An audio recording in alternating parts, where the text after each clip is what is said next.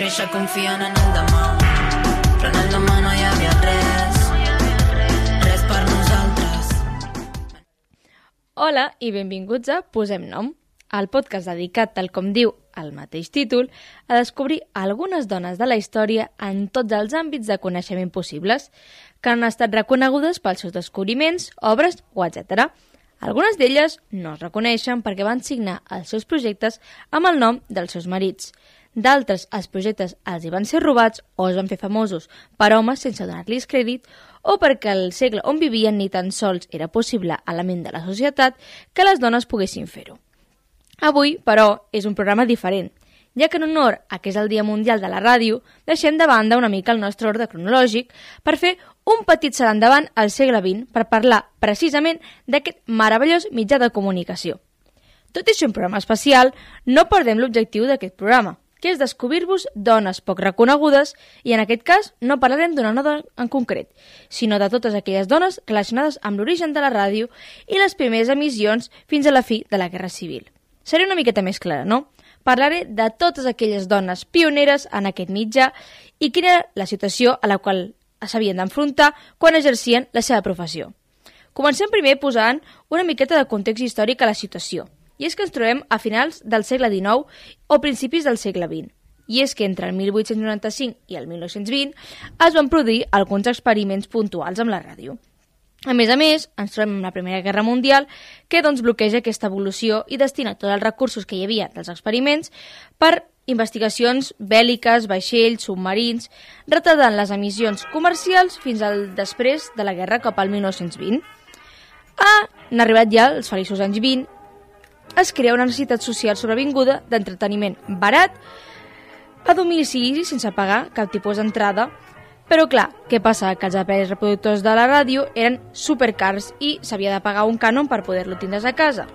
I per tant això significava que els únics llocs on podies escoltar la ràdio era o les llars de les elites o en llocs públics com casinos o els bars. Als anys 30 o 40 aquest mitjà ja s'estén com la pólvora tant als Estats Units com a Europa i és l'època daurada d'aquell moment. És el mitjà rei, desplaçar la premsa escrita, les emissions eren al migdia i a la nit, coincidint amb el menjar, i eren les dones les que principalment doncs, estaven a casa. Però això és, és una mica de context general. Ara parlarem de, concretament aquí a Espanya, no? I és que la ràdio aquí a Espanya té un desenvolupament una miqueta més lent, ja que hi havia doncs, un context històric particular. La ràdio va arribar amb Ràdio Ibèrica, que es va crear a Madrid a la tardor del 1923, coincidint amb el cop d'estat de Primo de Rivera. Però van ser això emissions experimentals. Realment va ser el 1924 quan es va aprovar un decret de regulació i es van donar llicències oficials per poder obrir noves emissores i en aquell moment és quan es van començar moltíssimes emissores. Ara, entrant realment en matèria, podem dir que les nostres protagonistes van jugar un paper molt important en la història de la ràdio, no només a Catalunya, sinó també la d'Espanya en general, ja que van ser les primeres professionals radiofonistes espanyoles i catalanes també a la vegada, i moltes d'elles van estar treballant del seu origen fins després de la Guerra Civil. Pràcticament totes estan desconegudes pel públic majoritari i fins ara no han tingut un reconeixement que, que es mereixen. A més a més, el treball d'aquestes presentadores va contribuir al desenvolupament d'aquest mateix mitjà. En els seus inicis, la, el perfil de locutora era dones formades sense cap tipus de dificultat econòmica. Eren independents, però això, molt conservadores, i col·laboraven a temps parcial a la ràdio perquè estaven vinculades a alguna institució femenina. En canvi, durant la dècada de la Segona República, la majoria no passaven els 30 anys quan arribaven als seus llocs de treball. Eren joves que tenien estudis i tenien moltes aptituds o coneixements musicals i procedien de famílies catalanes aburgesades que no tenien cap necessitat de treballar, però igualment ho feien.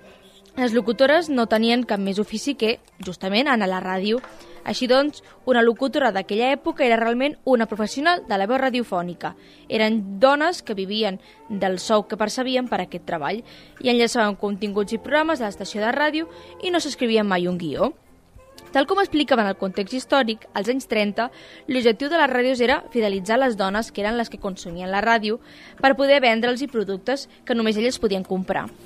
Aquest propòsit va ajudar molt a la incorporació de locutores a les ràdios, ja que la dona era l'emissor idoni per parlar a una altra dona sobre els temes o productes que li interessessin.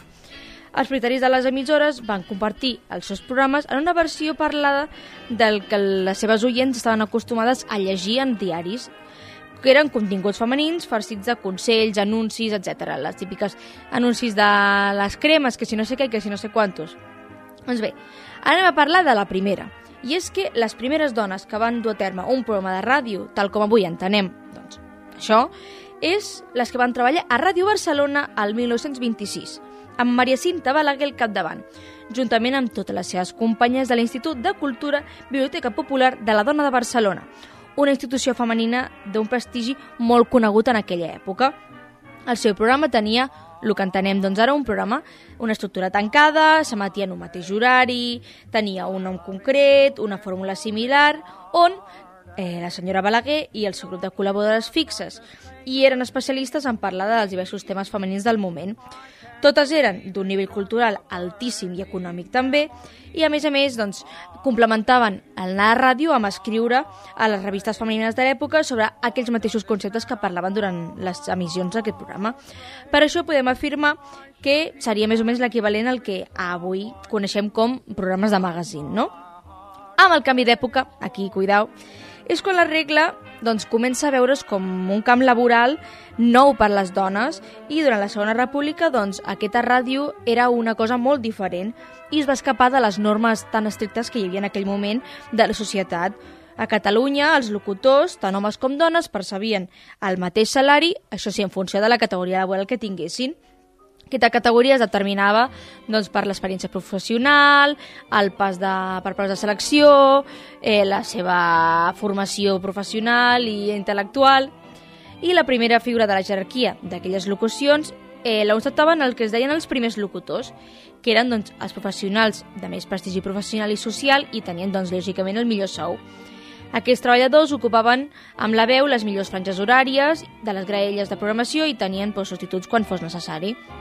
Durant els anys 30 van treballar a les, emis a les emissores de Catalunya 11, un total d'unes 14 locutores de ràdio.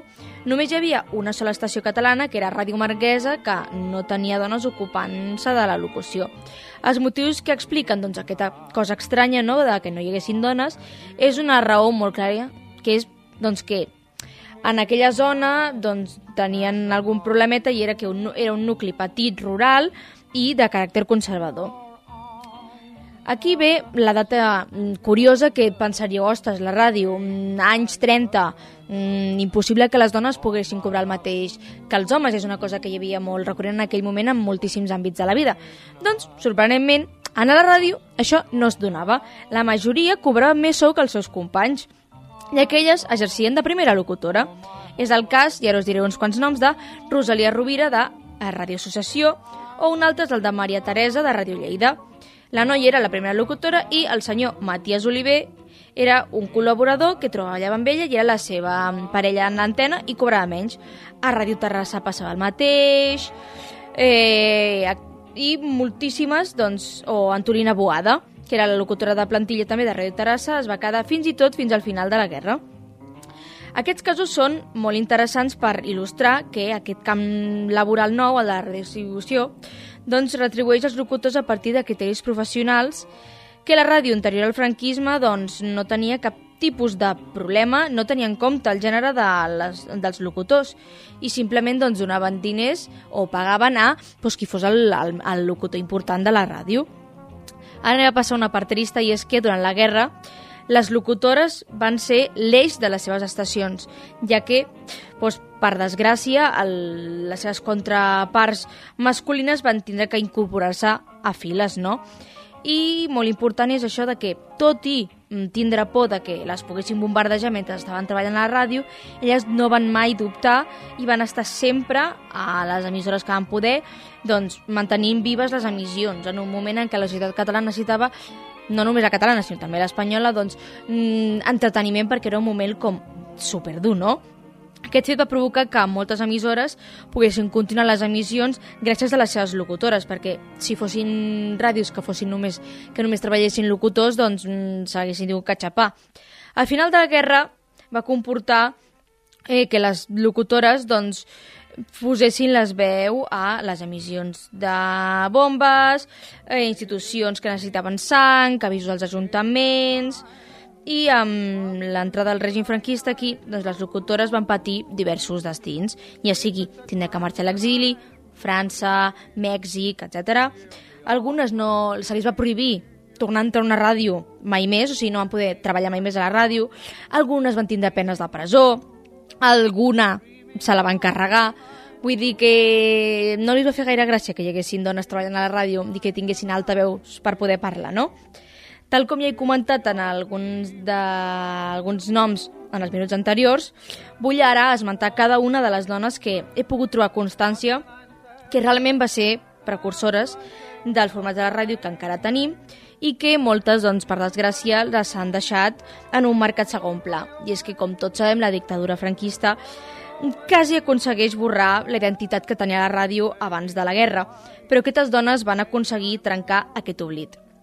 I elles són de l'emissora Ràdio Barcelona, Maria Cinta Balaguer, de la qual ja hem parlat, que va estar treballant de l'any 27 a l'any 28. Rosa Cotó, del 28 al 39. Maria Carmen Martínez i Iescas Naveires, del 33 al 54. Maria Carmen Nicolau, del 33 al 38 i Enriqueta Benito del 34 al 39. Després de Ràdio Associació de Catalunya tenim Rosalia Rovira, que també us l'he comentat abans, que va estar treballant del 31 al 39, Maria Teresa eh, Gai Solà, del 33 al 39 també, Francina Borrís, del 34 al 41, Carmen Espona, del 35 al 39, a Terrassa, Antolina Boada, que també hem parlat, que aquest és un dels petits casos en el qual es va quedar fins eh, que va morir Franco. L'Antolina va estar treballant de l'any 33 fins a l'any 75 a la ràdio. És de, pràcticament l'única que he pogut trobar que es mantingués fins al final de la dictadura. Després tenim a Ràdio Sabadell Mercè Sorribes i Josefa Figueres, totes dues del 33 al 40, a Ràdio Reus Antolina Sol del 36 al 37, a Dere d'Oden del 37 al 44, a Tarragona eh, Montserrat Parés i Amàlia Sant Romà, del 34 al 37 la primera i del 39 al 40 la segona. Bueno, si us aneu, aneu fent una idea, no?, que, que totes estan clarament marcades de que totes tenen l'any 39, l'any 40, 41, 42 com a molt, de data límit no? de, de continuar treballant. bueno, continua amb les que he pogut trobar, no? A Ràdio Badalona, Anna Barbosa i Maria Esquichuela, també la primera fins al 36 i la segona fins a l'any 40, a Ràdio Girona, Paquita Franzina Boris, del 33 al 34, Maria Lluïsa Figa, del 34 al 38, Maria Terça, que ja hem parlat del 38 al 39, a Maria Reixac del 39 al 42, a Ràdio Lleida en tenim dues germanes, que eren Aurora i Maria Terza, no tenien res que veure amb Ràdio Girona, però se deien igual, que totes dues van estar treballant del 33 al 37 i, per últim, a Ràdio Vilanova, Núria Fraire del 34 al 38 i Candelària Simón del 34 al 38. Bueno, amb aquests bonics noms, tranquil·lament us escolteu el programa, us el poseu en pause, cada nom que sentiu, doncs, si teniu interès i curiositat de saber qui són i tot, eh, tot això, doncs us podeu agafar, pareu eh, al programa i les aneu buscant per internet, que se li han fet bastantes entrevistes, algunes encara estan vives, i han concedit entrevistes per comentar doncs, com era la ràdio quan elles treballaven, quina era la seva feina, l'ambient laboral, i de totes aquestes entrevistes i tots aquests eh, treballs que, que se li han fet sobre elles, doncs, he pogut jo treure tota la informació per parlar avui d'elles. Per tant, doncs, això és molt important, donar-los un espai, donar-les a conèixer, és molt important recordar d'on venim, vull dir, si jo estic aquí fent aquest programa és perquè hi ha hagut dones darrere meu que han obert camí i en temps de necessitat, doncs, la ràdio és, va ser un mitjà molt, molt important. I bueno, espero que us hagueu passat bé, que hagueu après coses noves, seguríssim, perquè me jugo el coll que pràcticament no coneixeu a cap, si és que hi havia alguna que la coneixíeu. I bueno, feliç dia mundial de la ràdio, que us hagueu passat bé, i adeu!